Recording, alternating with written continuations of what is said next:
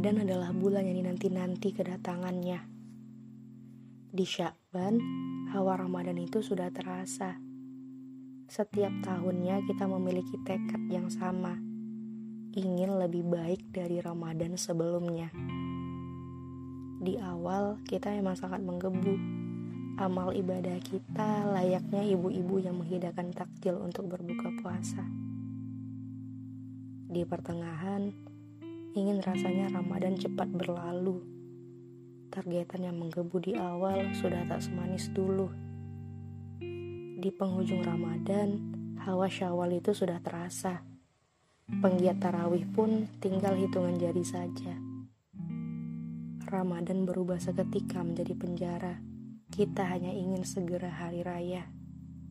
Hingga akhirnya 30 hari bersama tak ada bekas yang tersisa. Mungkin tekad itu memang harus ditanamkan dalam hati, bukan hanya di secari kertas, apalagi di galeri pribadi. Sebab tak ada jaminan bahwa tahun depan kita masih akan bertemu dengan Ramadan.